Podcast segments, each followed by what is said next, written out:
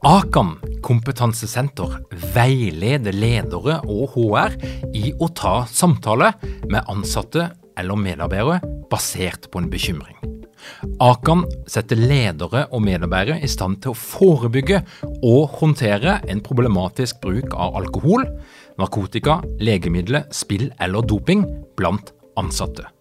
Ønsker du å lære mer om god forebygging og gjennomføring av samtale med en som du er bekymra for? Da kan du nå få tilgang på Akan sitt digitale samtalekurs til spesialpris, kun 760 kroner. Målet med kurset er å gjøre deg tryggere i det som kan være en krevende, men viktig samtale å ta i lederrollen.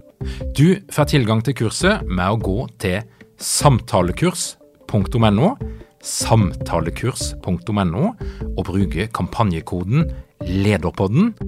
Tilbudet gjelder ut april. Lederpodden er gitt til deg av Execu.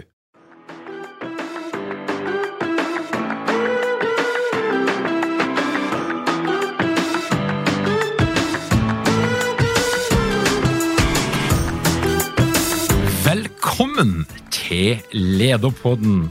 Mitt navn er Tor Åge Eikerapen. Jeg jobber som organisasjonspsykolog med leder- og ledergruppeutvikling. Og det her er en podkast om ledelse.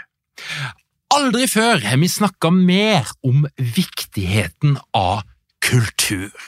De siste årene har vi til og med fått egne lederstillinger på øverste nivå som handler om kultur, som for eksempel Wise President, People and Culture. Men hva er egentlig organisasjonskultur, og hva skal vi med det? Og hvordan kan du endre en kultur, hvis det er det som er poenget? Det finnes bare ei utfyllende bok om organisasjonskultur som er skrevet av en norsk forfatter, og den er skrevet av Henning Bang, nestor nummer én i norsk organisasjonspsykologi. Velkommen til Lederpodden, Henning. Tusen takk, Tor Åge. Veldig veldig ålreit å bli invitert tilbake igjen. da. Henning, du er jo med i episode fem av Lederpodden, og som alle ting du er involvert i, så setter du farge på det. og Jeg vil jo påstå at nummer fem, episode nummer fem er faktisk den mest hørte av alle episodene i Lederpodden, så dette her, eh, som vi holder på med akkurat nå, kan jo bli den neste store hiten, tenker jeg. Henning, eh, jeg regner med at de fleste som hører på Lederpodden, kjenner deg eh, på ulikt vis. Du er mest kjent for å være en av bakmennene bak effektive ledergrupper, både boka, rammeverk og alt det som skjer der, men, men det er jo òg sånn at du var ganske tidlig ute når det gjaldt å beskrive hva organisasjonskultur er og ikke er. Hva slags, hva slags faglig lidenskap er det som ligger bak det du holder på med? Nå vet jeg ikke om du vil ha det breie svaret eller det svale svaret som bare handler om kultur, min venn, men Det breie. Det breie. Ja, Det er fordi at lidenskapen det, det var litt tilfeldig at det ender med kultur. skjønner du. Men jeg, når jeg bare ser tilbake fra jeg begynte å jobbe i eh, 86 og begynte å interessere meg for kultur i 1982 Det er en rød tråd i livet mitt. Vet du hva det er for noe? og, og virkelig jeg, har, jeg tror jeg har en besettelse av å forstå menneskelig samspill. Altså, hvorfor funker det bra med noen mennesker? Funker det dårlig med andre mennesker? Hvorfor er det noen par som blir lykkelige eller ulykkelige, selv om de trodde de skulle bli lykkelige? Hvorfor er det noen grupper som funker bra? Hvorfor er det noen organisasjoner som går til helvete selv om de har verdens beste mennesker om bord?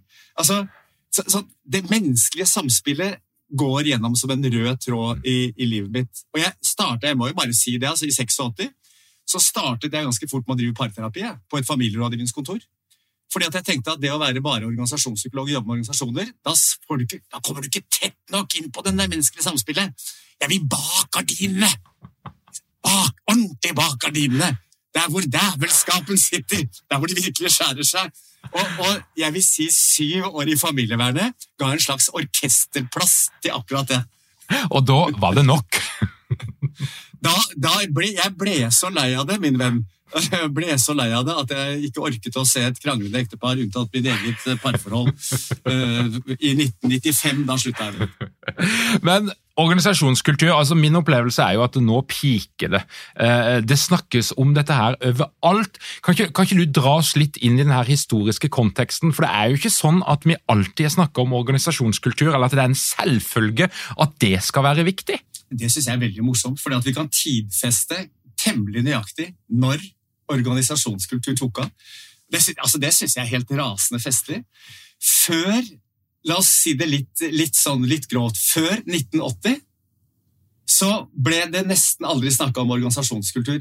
Litt i noen amerikanske bedrifter, sannsynligvis. Det ble skrevet veldig lite om det. Men det kommer en artikkel i Administrative Science Quarterly, som er en av de store prestisjefylte tidsskriftene, av Andrew Pettigrew i 79, som omhandler nå må vi begynne å se organisasjonen gjennom kulturelle briller. Der begynner det å ta av! Mm. Så kommer det et par bøker i 1982. 1982 er virkelig året, altså. Skrev, begge bøkene er skrevet av eh, McKinsey-konsulenter. To forskjellige McKinsey-konsulenter. Eh, og Den ene heter Corporate Cultures, og den andre heter In Search of Excellence. Og Noen av lytterne kan ha hørt om dette, kan ha lest bøkene til og med, kanskje ikke. Meldingen i de to bøkene fra McKinsey-konsulentene er følgende. Det som skiller de gode fra de dårlige bedriftene, ligger ikke primært i hvem de har ansatt, hva slags strategi de har, hvor mye penger de har i ryggen. Det ligger i kulturen. Mm. Måten vi gjør tingene på. The way we do things around here, som var måten de definerte det på. Og den ene boka, In Search of Excellence, den tok for seg noen og 30 bedrifter i USA som hadde greid det bra, og som de mente var kjennetegnet av en god kultur. Eh, I parentes bemerket, det var ikke veldig mange år etter at en litt djevelsk forsker gikk de noen og 30 bedriftene etter sømmene og fant ut hvordan gikk det med dem nå, og flere av dem gikk det riktig så dårlig med. Men de fikk i hvert fall installert, tror jeg, ikke bare gjennom de bøkene, men altså, på 80-tallet så var det en sånn tro på at vi har forbigått et viktig del av organisasjoner, nemlig å se organisasjoner som en stamme, fra et litt mer antropologisk synspunkt. Hvilke ritualer, hvilke belønninger? Hva er det som gir makt? Hva er det som gir kred? Hva er det som gir status i organisasjonen?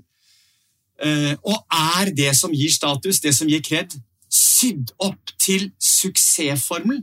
Eller kan det være at vi har en organisasjon som gir noe annet status enn det som fører til at vi kommer til å lykkes?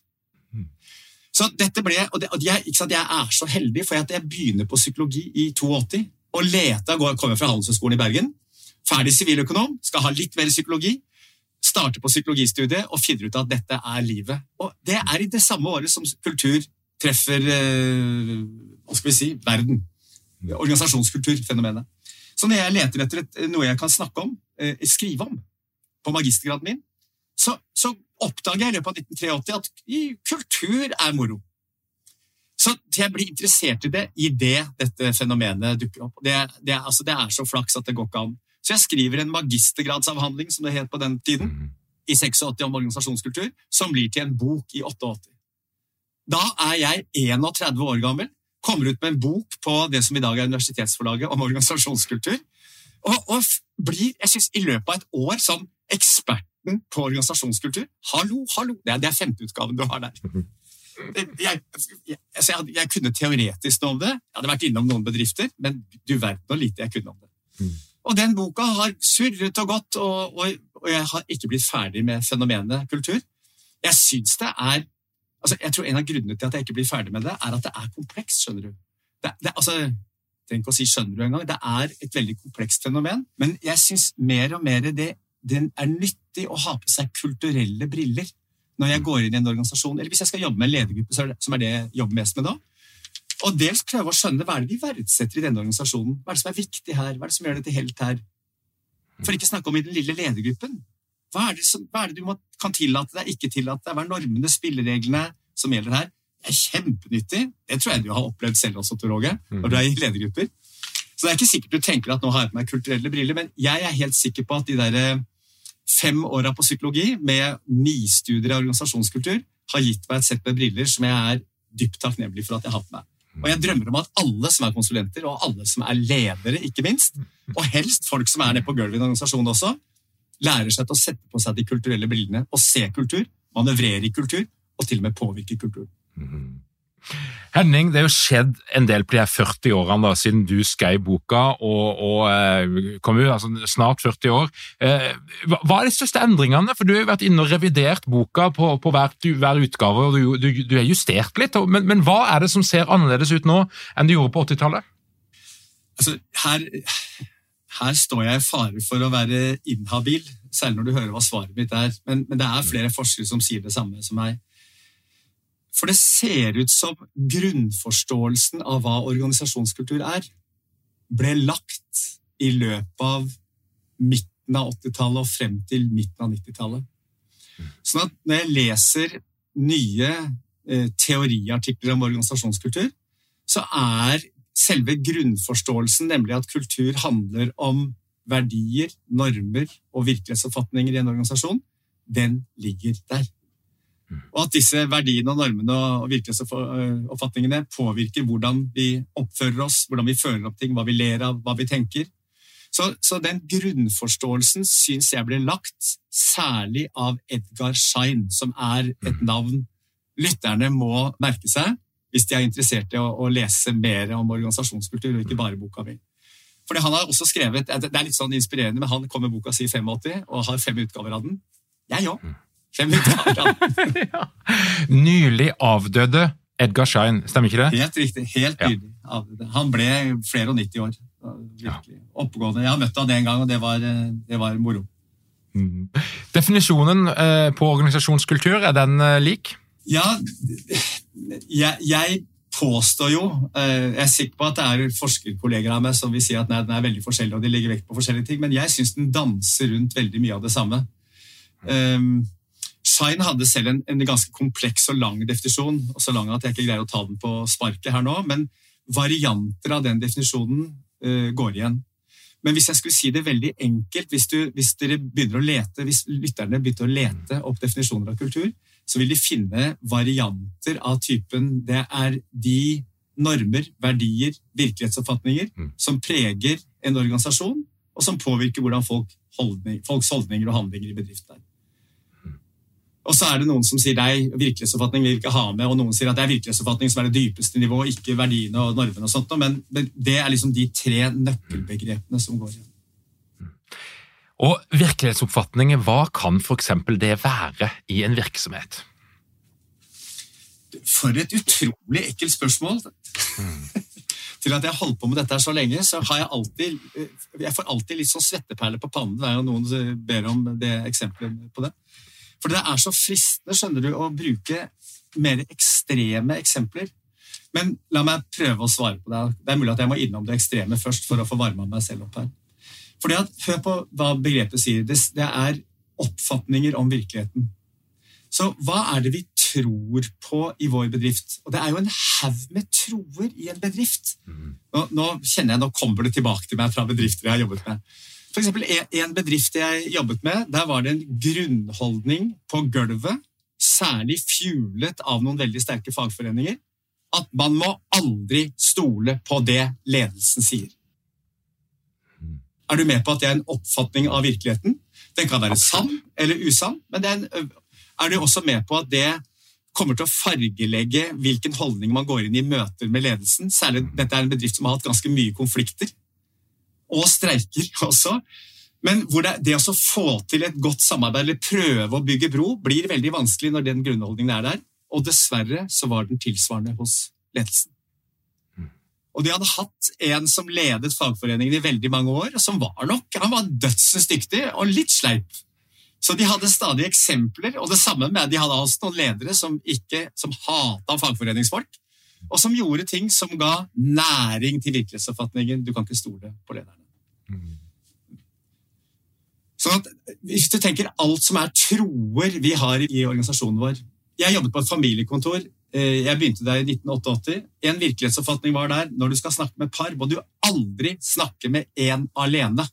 For du risikerer å få informasjon du ikke kan bruke. Så Det var, også, det var både en norm og en, en tro om at du kommer til å bli bundet på hender og føtter hvis du snakker med en alene.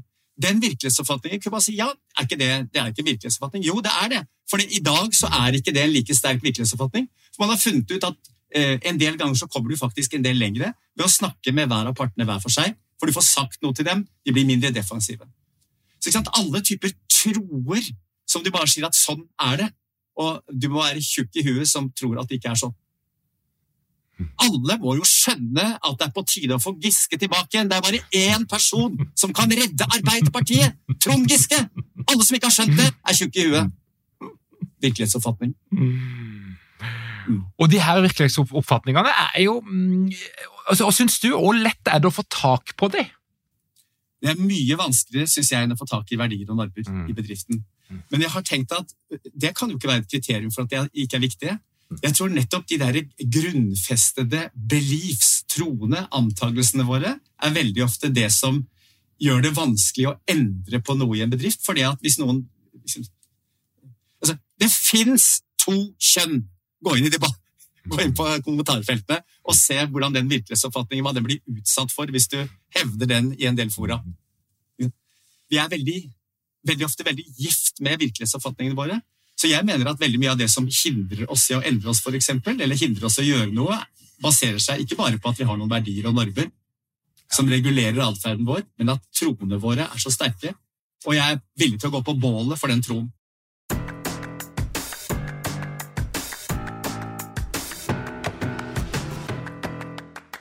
Henning, det er et tema som ofte dukker opp, og mange omtaler det som noe negativt, nemlig subkulturer. Altså, Jeg har en, en, kunde der er det noen som jobber på land, og så er det noen som jobber på en båt. og Da tenker jeg at det er ganske åpenbart at der vil det være subkulturer, uten at det trenger å være noe negativt. Hva, hva, tenker du? Ja, det er helt sant. Da må vi bare bli enige om hva subkultur betyr. For det betyr ikke en ja. subkultur. Det betyr en delkultur, eller underkultur, kan man si. Men la oss kalle det en delkultur. Så greia er, Hvis vi sier at organisasjonskultur, eller kultur, er noe som utvikles i alle sosiale systemer som er sammen over tid mm. Enten er, Jeg har lyst til å dra til og si enten det er to stykker, et par som har vært sammen lenge, de kommer til å danne seg noen verdier og normer og virkelighetsoppfatninger som er mer eller mindre felles delte. Men det skal ikke altså veldig mange før det kommer til å bli ulike stammer innenfor dette systemet. Og det er veldig funksjonelt. La oss starte der. Det er veldig funksjonelt, det betyr bra. Det er et ord for Det er veldig hensiktsmessig at eh, en organisasjon som driver med forskjellige ting, i den forstand at den har forskjellige avdelinger, at de ulike avdelingene har litt ulike ting de legger vekt på. Så er det, er det hensiktsmessig at i en økonomiavdeling så er man veldig opptatt av hvordan penga blir brukt. At vi ikke bruker mer penger enn vi har, at vi holder budsjettet. Jeg syns det er en veldig verdifull norm. Og Bare tenk på departementene. Altså, dette er frustrasjonen alle andre departementer har overfor Finansdepartementet, mm. som har veldig sterke verdier på dette. her. Og Mange vil si at det er veldig slitsomt, men jeg tror mange når de trekker seg litt tilbake, tenker at det er bra at vi har noen som tar det perspektivet. Mm. Mens en innovasjonsavdeling kanskje ikke nødvendigvis skal ha den som den sterkeste verdien, men kanskje mer å tørre å være eksperimentell, gjøre ting som er litt på sida, utafor gærent. Og en juridisk avdeling skal kanskje ha noen helt andre verdier igjen, og være veldig opptatt av hva som er riktig, hva som er lovlig, hva vi kan gjøre uten å bli tatt for det. Sånn at i utgangspunktet, hvis vi sier at Og var, dette var Shine veldig opptatt av, for Shine mente at kultur er gjerne noe som utvikler seg som en mestringsstrategi i en gruppe vi gjør en ting på noen måter og ser at ja, fader, dette funker med, med noen av de målene og formålene vi har. Mm? Så hvis vi tenker oss at subkulturer dannes ofte med bakgrunn i hva er det som er viktig for oss å få til, eh, hva er det som er viktig for oss å gjøre for at vi skal ha det moro på jobben, det er her det kan begynne å skitne seg til, skjønner du. Men det har en funksjon i seg selv. Så er problemet at det kan jo da danne seg noen lokale oppfatninger om hva som er riktig og gærent, som ikke bidrar til at hele bedriften går bra, som bidrar til at vi har det fryktelig moro hos oss. Det er så deilig å snakke skit om de andre avdelingene som vi syns er så håpløse. Det er litt synd at vi er nødt til å samarbeide med de andre avdelingene, men vi kan i hvert fall snakke mye skit om dem når vi er alene. Hvis det hindrer oss i å få til godt samarbeid, eller hindrer oss å lytte til de andre avdelingene som vi bør lytte til, så blir det en subkultur som blir dysfunksjonell uhensiktsmessig. Mm. Altså jeg syns det er veldig gøy å gå inn på nettet før jeg skal inn i en bedrift og snakke om kultur, og google f.eks. den bedriftens navn og ukultur. Da kommer vi på ukultur også. Og veldig ofte så vil det man kaller ukultur, egentlig være et eksempel på en subkultur i en organisasjon. Sånn at det kan ha utviklet seg i en divisjon, har det utviklet seg triksekultur. Altså, jeg, holdt på å si Med hvert tiende års eh, mellomrom så kommer det opp en eller annen overskrift som heter 'triksekultur i Oslo kommune'. Kanskje de skal slutte med den nå. Men det er ingen grunn til å tro at det er triksekultur i hele Oslo kommune. Nei, jeg tror ingen ville vært gal nok til Men at det fins lommer i Oslo kommune Det er ikke sikkert det er engang en hel etat. Deler av en etat hvor det har utviklet seg en uønsket praksis. Det er det vi snakker om. Så stengt, altså, Subkultur brukes ofte synonymt med ukultur. Det trenger det absolutt ikke å være. Det er en delkultur. En liten stamme i organisasjonen som har fått utvikle litt andre normer og verdier, og som like gjerne kan være gift med å elske de overordnede verdiene og normene som er der. Mm. Så, så tusen takk for at vi, at vi, har subkulturer, men vi skal gjerne være på jakt etter om de hindrer oss i å gjøre den jobben, eller hindrer oss i å samarbeide sånn som vi ønsker å gjøre. Eh, Henning, for Kultur kan veldig fort bli en sånn akademisk øvelse som oss psykologer trives kjempegodt med, og vi ser gjennom de psykologiske og kulturelle brillene. Men de praktiske implikasjonene, altså hva betyr dette her? Hva kan en leder bruke kultur til, praktisk? Jeg må bare nyansere spørsmålet ditt, for er det noen som vet lite om organisasjonskultur, så er det psykologer. Så de som virkelig vet noe om det, er jo antropologene og sosiologene. Kanskje i noen grad statsviterne også. Så jeg har alltid følt jeg, har, jeg husker De ti første årene jeg foreleste om kultur, så spurte jeg alltid er det en antropolog i salen. og sånn, Nå kommer jeg sikkert til å si ting og ha en forståelse som du syns Men glem det. Det var et sidespor, men jeg måtte bare si det. Mm. Uh, uansett, De, de beskyldes jo for å være enda mer teoretiske, så poenget ditt er gyldig. Er dette noe som bare er interessant, eller er det for oss som forsker på det? Eller er det et praktisk fenomen? Og jeg, jeg må nok uh, svare deg litt sånn nyansert på dette. Um, jeg innledet jo med å si at jeg syns det er veldig nyttig å ha kulturelle briller på når jeg ser, ser, på organisasjoner. Og det mener jeg alle som jobber i en organisasjon, også burde ha, lære seg. Lære seg til å se har det, er det i ferd med å utvikle seg noen praksiser hos oss som ikke er heldige. Og det heter på vårt språk noen normer hvor normen burde være dette er upassende atferd, men det er ikke upassende atferd. Sånn hvis du også leser avisene, jeg husker en, et oppslag med justisministeren vår som uh, sa at uh, det er åpenbart at jeg har kommet, oppdaget at det er en ukultur i politiet som vi er nødt til å gjøre noe med. Så, så evnen til å oppdage om, har, om, det har dannet seg noen verdier som ikke burde være så sterke. Det er noe vi vektlegger an. Vi, er, vi legger vekt på resultater, ambisjoner, så sterkt at vi er villige til å kutte hjørner. Så jeg mener det, er nyttig å være god på å oppdage ukultur, og også øh, oppdage hva slags kultur er det som er suksess. Er det, nå, nå er vi blitt fusjonert med en annen organisasjon er det noe av suksessformelen i vår organisasjon som er blitt kjøpt opp av en annen, som faktisk er noe av suksessformelen vår, og som vi må passe på å hegne om. Og jeg håper de som har kjøpt oss opp, ser at det er viktig å hegne om.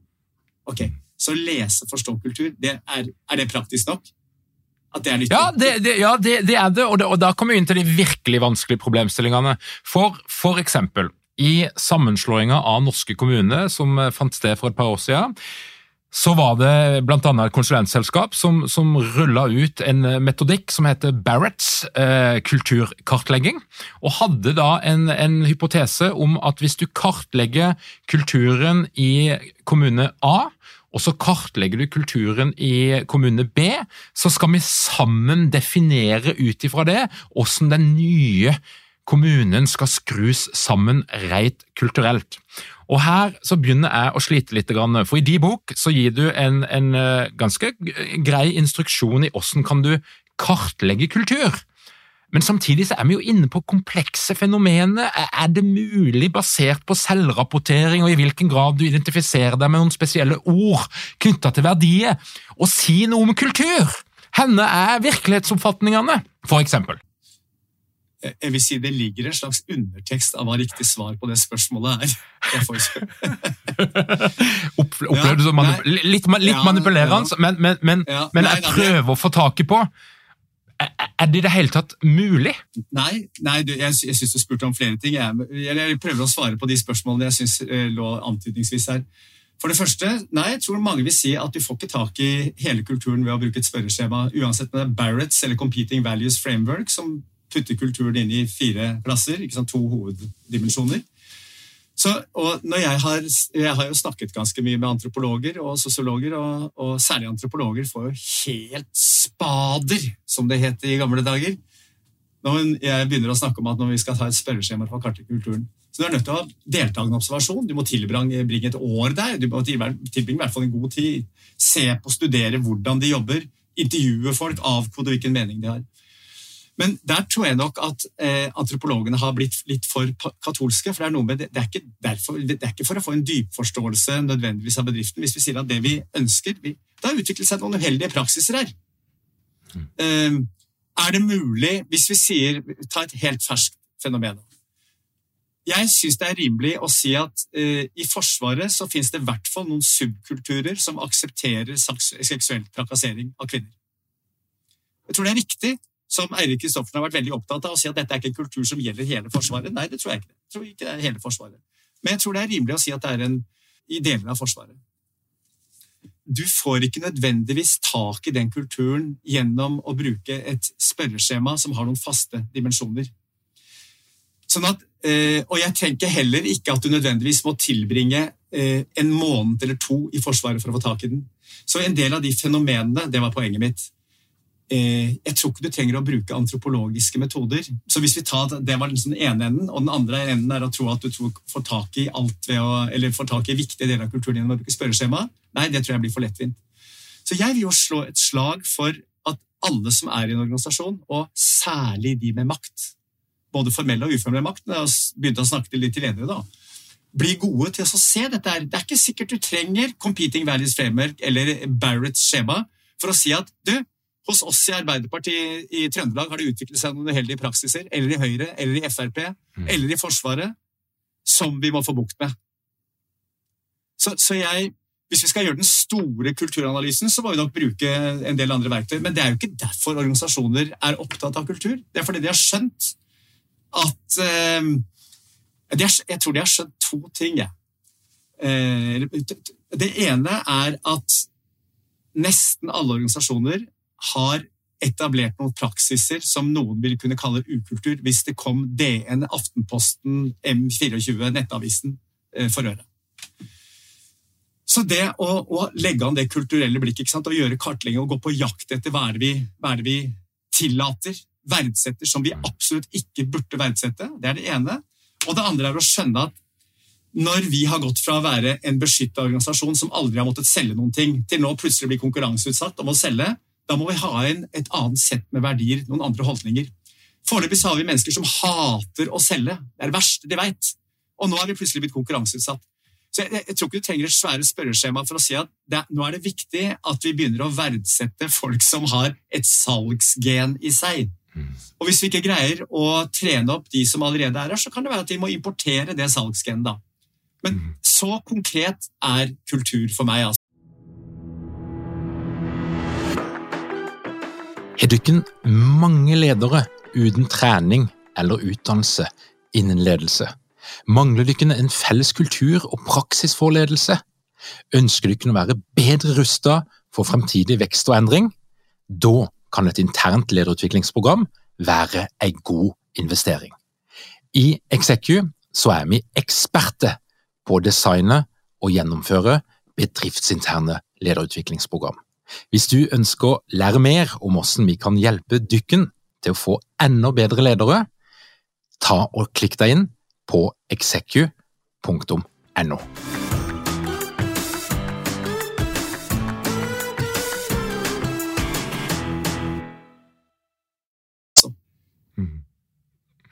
Og da kommer neste spørsmål. Det, det er jo egentlig avledet av dette her. Det er jo hvordan skapes kultur? Kan kultur vedtas gjennom noen verdiord, gjennom en prosess, eller hvordan funker dette her? For det er jo, det, Scenarioet er jo som så, vi ønsker å oppnå et eller annet, vi har en strategi, vi har noen mål, og så tenker vi at kulturen skal støtte opp om det, eller kulturen skal hjelpe oss til å lettere nå de målene. Og da spør jo enhver ledergruppe seg sjøl hvordan kan vi utvikle, skape den kulturen vi nå trenger. Kan vi ikke være litt nøye nå? Og så sier vi at eh, hvordan skape kultur? Det du spør om når vi bytter ut ordet kultur med definisjonen. Så hvordan skapes felles verdier, altså felles oppfatninger av hva som er verdifullt? Hvordan skapes felles normer, oppfatninger av hva som er passende og upassende atferd? Og hvordan skapes felles virkelighetsoppfatninger, oppfatninger av hva jeg skal tro på eller ikke?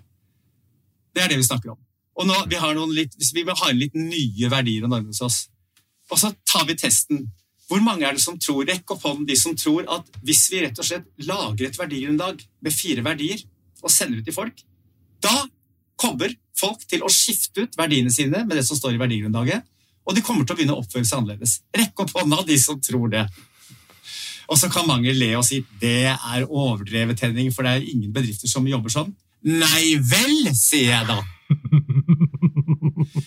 Så jeg har jo vært med å lage verdier. Det, det, det er en fryktelig jobb, en stor jobb, og det, du verden hvor mye krangel vi er når vi skal bli enige om disse verdiene, og særlig hvis vi involverer store deler av organisasjonen. Så Vi er jo så slitne etter at vi er ferdig med verdigrunnlaget, men vi er så fornøyd med det. Og så er det noen som da tenker eh, vi, vi, skal gå en, eh, et hakk lengre. Administrerende er nemlig utrolig god til å snakke om disse verdiene på en forførende måte. Vi sender henne rundt på turné i landet. Så da er altså troen Hvis bare folk hører en time med en veldig, veldig dyktig retorisk eh, administrerende direktør, så kommer folk til å injisere som en liten sprøyte disse verdiene. Så nå skjønner du at jeg, jeg, jeg må innrømme at jeg dette, dette, burde jeg jo ikke si, men jeg må si det likevel. At jeg, jeg, en del ganger så får jeg fniseanfall når jeg ser verdier. For jeg skjønner ikke hva det har med bedriften å gjøre. Jeg kan ikke skjønne at det skal være slik verdier egentlig skal være, de skal være retningsgivende. Det er det de skal være. De skal, jeg lurer på hva jeg skal gjøre nå. Og de bør helst være retningsgivende på atferd som er helt vesentlig for at bedriften vår skal lykkes. Så bare, la meg, kan, kan ikke jeg bare få henge ut i en bedrift, for det er en bedrift jeg elsker. Jeg er så glad i den bedriften. Hvilken bedrift er det som er solid, raus og dynamisk? Suksessformelen. Solid, raus, dynamisk. Ja, nå har jeg hatt en prat med, med, kollega Magnus Hutt for ikke så lenge siden, og han påstår at en del av de ordene blir brukt i uh, veldig mange virksomheter. Ja, ja det, det, kan jeg fortelle deg om etterpå. Men det er Vinmonopolet! Og alle må jo skjønne at hvis vi er solide, rause og dynamiske, da går det rett i himmels med polet. Nei! Nei! Nei! Så, så så ikke, ikke, ikke, ikke, bare er det en del bedrifter mener jeg, som har eh, Unnskyld, Vinmonopolet, jeg elsker dere, og dere vet at jeg elsker dere. Men som jeg mener ikke har de riktige verdiene. De, de gir ikke mening. De, de, de, må være gjenstand for revyvitser og viser, altså.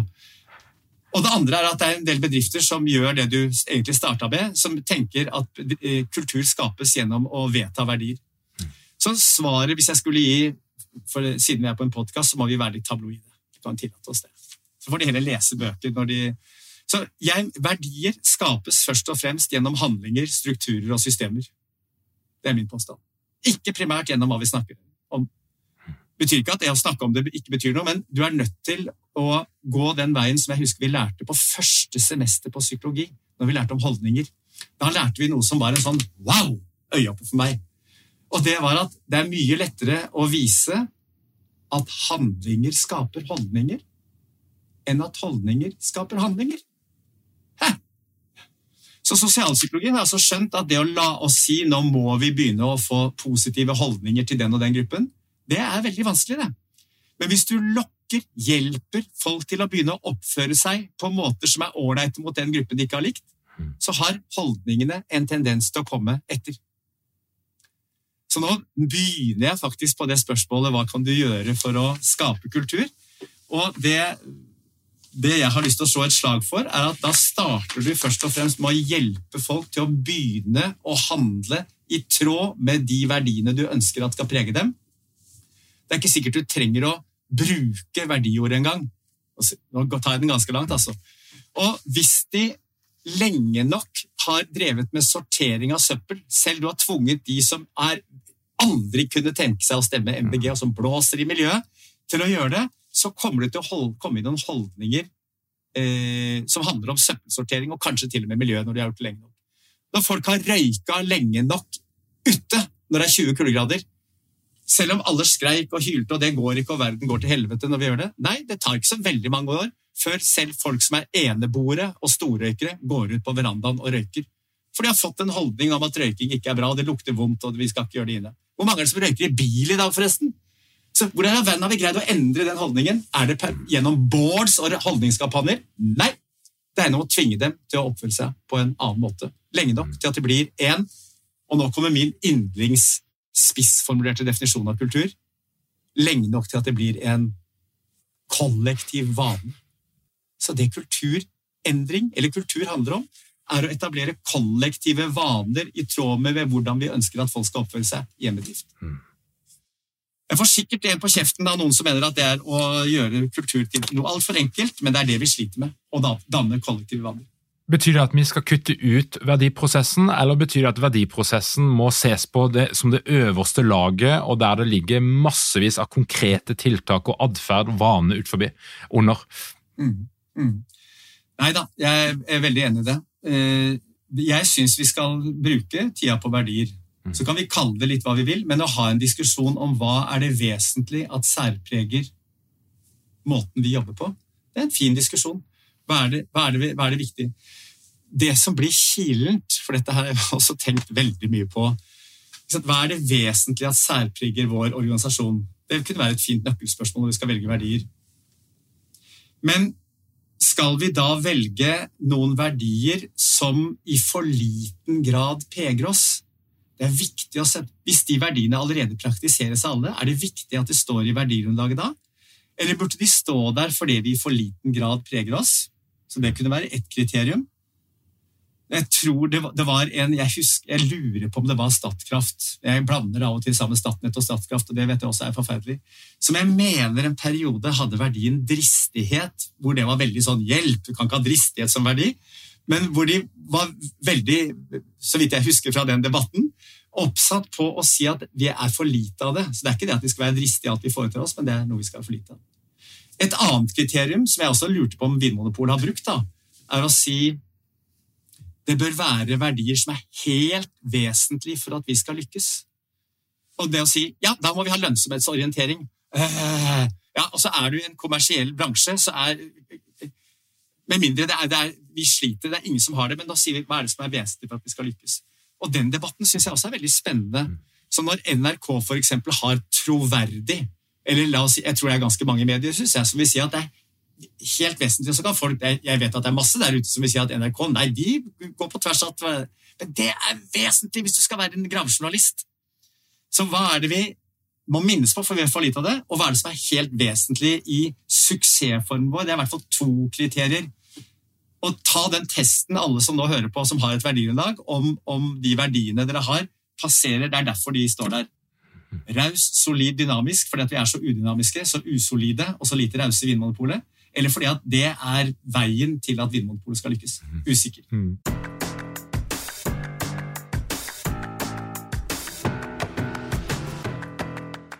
Du, Henning, når du, ser på verden i dag, der, Min påstand er jo at det, det aldri har vært snakka så mye om kultur. Hvis du er, tilbringer litt tid på LinkedIn og andre steder, så deles det masse om kultur, og alle er opptatt av kultur. Og etter pandemien så, så er det mange som sier at skal du få folk tilbake til kontorene så trenger vi å fokusere mer på kultur.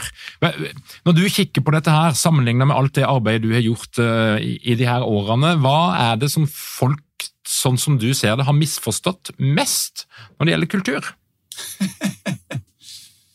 hva har folk misforstått mest? Jeg, jeg, det, det, første som dukker opp i huet mitt, er nok det, det jeg var inne på på det siste spørsmålet ditt. At de blander sammen kultur og verdigrunnlaget deres. Så jeg, jeg, er veldig glad i et skille som eh, salige Chris Argeris, som var professor Jeg glemmer alltid om det var Harvard eller MIT.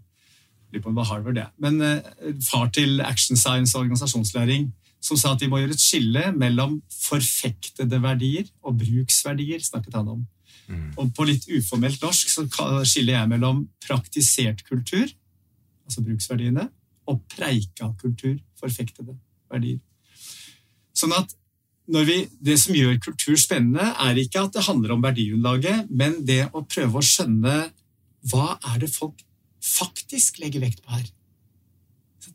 Er, hva er det, hvis vi sier at åpenhet er viktig, og det å gå inn i leder, en ledergruppe som sier at åpenhet er veldig viktig, og så overhøre diskusjoner de har, hvor du ser at de lever jo på åpenhet i det hele tatt, så hvilken annen, om det er verdi, da, er det som konkurrerer med åpenhet? Eller virkelighetsoppfatning? Jo, alle vet at hvis jeg er åpne om hva jeg mener i denne saken, her, så kommer aksjene mine til å falle voldsomt i denne gruppa.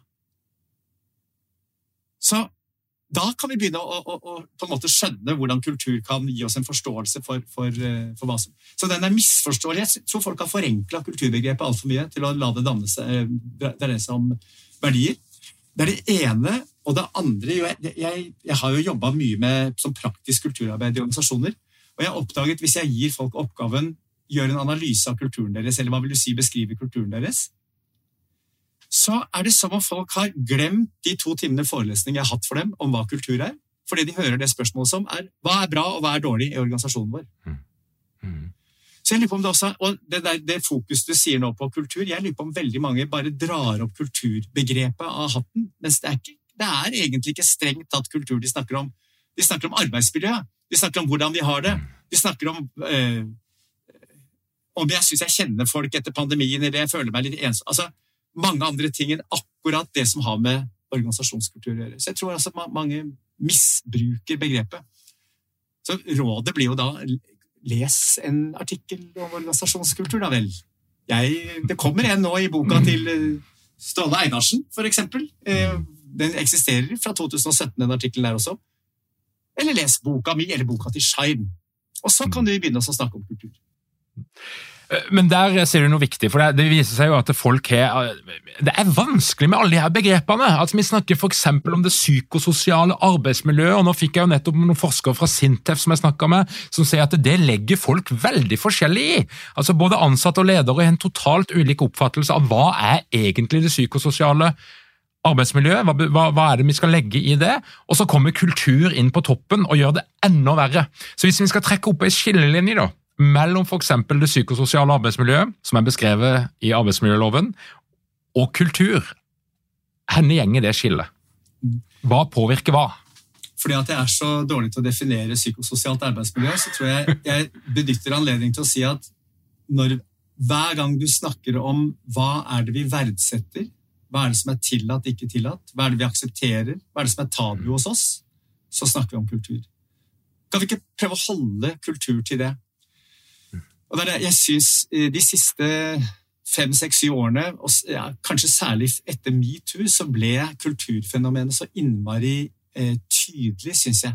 Og jeg, jeg, mener, Uansett hva du mener om metoo, så har du hatt en gyllen anledning til å skjønne hva det som blir akseptert og det som ikke blir akseptert, hvordan de standardene kan endre seg eller skape store problemer for et parti, men også for en, en bedrift, for Forsvaret, for den saks skyld. Så noe av, noe av, det Jeg har lyst til å legge inn et perspektiv, for jeg snakker jo hele tiden om normer og verdier, virkelighetsoppfatninger, som jeg mener det er, det er essensen av kultur. Det jeg syns det som f.eks. nå skjer i Forsvaret, har gitt oss en gyllen anledning til å skjønne, er at kultur er ikke bare det vi etterstrever, eller der det fins regler for hva vi kan gjøre, men det handler også om hva vi er villige til å akseptere. Jeg tror ikke det er normer i en del av disse subkulturene, eller verdifullt å drive seksuell trakassering. Problemet er den kulturen man har hatt for å ikke gripe fatt i det.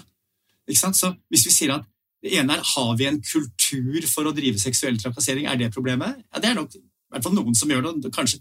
Men et enda større eh, kulturproblem er kulturen vi har, tradisjonen vi har, den kollektive vanen vi har, for å bruke litt for lang tid til å gripe, gripe ordentlig tak i dette her. Til å bagatellisere det. Og det var det som skjedde i de fleste partier i Norge under metoo. Veldig få partier som gikk fri fra metoo. Fordi at mange har visst om den praksisen. Den er ikke normativ, den er ikke verdimessig, men den ligger innenfor vel, vel, sånn er det bare, sånn er den bare. Det må vi bare godta. Hva er en god kultur? det er to forsøk på å svare på det innenfor forskningen, og jeg syns det er to veldig sånn Praktikerne bør også spille ut ørene nå. For det ene er rett og slett å prøve å identifisere noen verdier, noen holdninger, som, er, som fører til, som øker sjansen for at du får suksess som bedrift. Kan du se for deg det? Så det å identifisere liksom er det og La meg bare ta et eksempel da, på noe hvis du sier at en bedrift som eh, er i en bransje hvor ting endrer seg, og da, jeg, jeg vet ikke om en bedrift nå i dag jeg, som ikke er i en bransje hvor ting endrer seg, så det å legge stor vekt på evne til å endre seg, tilpasse seg, være agil, smidig, blir vesentlig. De som ikke greier å endre seg, som ikke legger vekt på det, ikke si ikke greier, som ikke, som ikke virkelig belønner det, feirer det, får ut de som ikke endrer seg, rekrutterer de som endrer seg, ikke sant? de bedriftene kommer til å ha problemer. Det syns jeg gir veldig mening. Så det å være på jakt etter verdier, holdninger, praksiser som faktisk er suksessrike. Læringskultur, vil også noen si. Det, altså det å få inn en kollektiv vane på at innimellom så stopper vi opp, og så diskuterer vi hvordan fungerer egentlig lederpodden. Skal vi ta en markedsundersøkelse og høre hva er det noe folk ønsker seg annerledes? Så la oss prøve å få ærlige svar på dette her nå slik at du kan lykkes med å nå enda flere, Tor Åge. Den, den typen kultur vil mange si ja, det er fint. Kan vi lete etter flere sånne eksempler på ingredienser i god kultur? Den helt andre sier at jo da, vi kan godt gjøre det, og det finnes sikkert noen sånne verdier, men greia er at det er så mange ulike virkeligheter, sånn at det å være mye mer eh, Ikke forhåndsdefinere, lete etter de verdiene som er universelt gode, men å si hva slags kultur trenger vi i akuttmottaket på et sykehus? Hva slags kultur trenger vi i økonomiavdelingen på sykehuset for at det skal gå bra? Hva slags kultur trenger vi blant eh, renholdspersonalet på sykehuset for at det skal gå bra? Så er det sikkert noen verdier som går igjen på alt dette her. Jeg skal love deg at det er, det er noen ting som bør verdsettes litt mer i akuttavdelingen enn det må i, i økonomiavdelingen.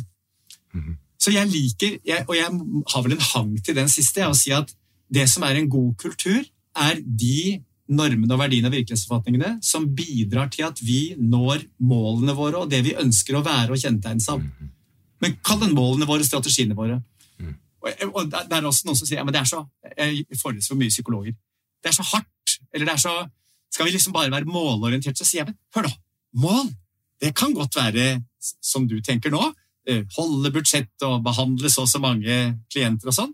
Men det er et mål å ha et godt arbeidsmiljø så ha en kultur som gjør at vi får et godt arbeidsmiljø, at vi blir kreative. Det er også mål. Så alt som eh, så Først liksom si hva slags mål har vi, hva er, vi, hva er det vi ønsker å oppnå, og hva slags kultur trenger vi å stimulere for å oppnå det? Og har vi fått mm. inn noen kulturelle normer og verdier som hindrer oss i å nå dette, og som vi bør gjøre noe med? Ja. Åh, nydelig. Nydelig. Kulturen er et verktøy for å nå mål. Jeg syns det. Ja, ja, og det er en dimensjon til, og det er sterk og svak kultur. Og da må jeg bare fortelle en historie. Jeg er en kunde som, som altså, det, det, er en så vanvittig sterk kultur at eh, Nå må jeg passe meg for ikke å røpe, for det er litt, det er litt sært det de holder på med, men, men det er sånn at du bør ha en veldig spesiell hobby, helst for å jobbe der og for å jobbe med de. Og Jeg har dessverre ikke den hobbyen, eh, eh, og jeg eier heller ikke det du trenger for å ha den hobbyen, så det var litt sånn problem egentlig sånn innledningsvis, men, men vi fikk det til. Og Da kom jeg til å si at eh, det er jo fantastisk at vi kan ha en så sterk kultur, og det er de veldig stolte av. Men, men jeg måtte også si at det er et veldig tynt skille mellom å ha en sterk kultur og være en sekt. Og Det var de litt mindre enige men etter hvert så ble vi litt enige om hva, hva, hva det var for noe. Men, men, hva tenker du rundt det? Sterk og svak kultur? Du, du, treffer jo midt i blikken på hvordan sterk kultur defineres. For det defineres ofte som akkurat det du sier nå, at vi har noen kjerneverdier som det er veldig stor enighet om. La oss kalle det en sånn sosiologisk dimensjon, var det en som sa. Altså, det er mange som deler den verdien og en sterk psykologisk dimensjon. Så det er ikke bare at mange syns det er viktig, men det får store konsekvenser for deg hvis du går på tvers av den verdien, kamerat. Mm. Jeg har hørt noen rykter om at hvis noen griper en Coca-Cola-ansatt med en Pepsi i hånden, så er det på huet ut. Jeg, jeg, jeg, jobbet, jeg har jobbet litt med Tine, veldig glad i Tine-melk. Jeg kjente hvordan jeg tidligere kjøpte kumelk, slutta å kjøpe det og tenkte at det er helt ikke sant? Og jeg, jeg, jeg, hadde en venninne som jobba i Tine også, hvor jeg betrodde henne at jeg kjøpte kumelk. Og hun sa er du gæren? Har du tenkt å jobbe i tide? Det er en psykologisk dimensjon. Nei, nei, nei. nei. Jeg skal aldri gjøre det mer. ok, Så du, du, du, har helt rett i hva er, jo, mer, jo, sterkere den er, jo mer sekt er den. Det fantastiske med det er at når folk virkelig er gift med noen verdier og normer Så du trenger ikke å henge opp en sånn jobb hardt, for alle vet at her jobber vi hardt. Det er ingen som trenger å verken gulrot eller pisk. Det er jo noe veldig fint med det.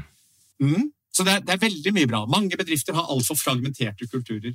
Problemet er når denne har, hvis, hvis, vi trenger å endre oss og begynne å gjøre noe på en annen måte som går på tvers av de verdiene, så får du den der styrken i kulturen midt i bakhuet. Mm. Så det er nok mange sterke kulturer som har gått på trynet nettopp pga. kulturen altså Jeg er helt sikker på at det finnes nyere eksempler enn Kodak. Uh, men, altså, men, men, at kan, det kan finnes eksempler hvor, som, som, har hatt en suksessformel, og som alle sammen har hatt et rått bankende hjerte for. Og plutselig så endrer betingelsene seg, og så greier ikke folk å endre seg fort nok. Og Det viser, for det er ganske mange studier som viser akkurat det jeg sier nå. så der er det gjort forskning på det, Som sier at på kort sikt så er en sterk kultur veldig bra. Folk bare elsker disse verdiene. Alle sammen følger dem, går helt i takt. På lang sikt så er det et mye mer problematisk forhold, og til dels negativt forhold mellom sterk kultur og evnen til å overleve på sikt. Det er veldig interessant. Altså, det du sier er jo at En overdreven sterk kultur kan gjøre deg mindre agil, mindre fleksibel, mindre tilpasningsdyktig. rett og slett. Og Da tenker jeg jo på billaderselskapet EC Kjenner du til det? I Stavanger de gikk ut og sa de ville ha en religion, altså de ville ha kjærlighet, de ville ha healing og meditasjon inn i selskapet. De skulle være en, en familie. Eh, og så kom det altså en rapport fra det svenske el-tilsynet som, som, sa at de her laderne var farlige, og nå har vi en kultur på full fart ned. Så der kunne jeg godt tenke meg å vært flue på veggen akkurat nå. Jeg lurer på om ikke han lederen der også sa at eh, vi, nok, vi hadde kanskje litt stor tro på love som den viktigste verdien. Det var et mellomstadie her før eh, denne rapporten kom, ja, det er helt riktig.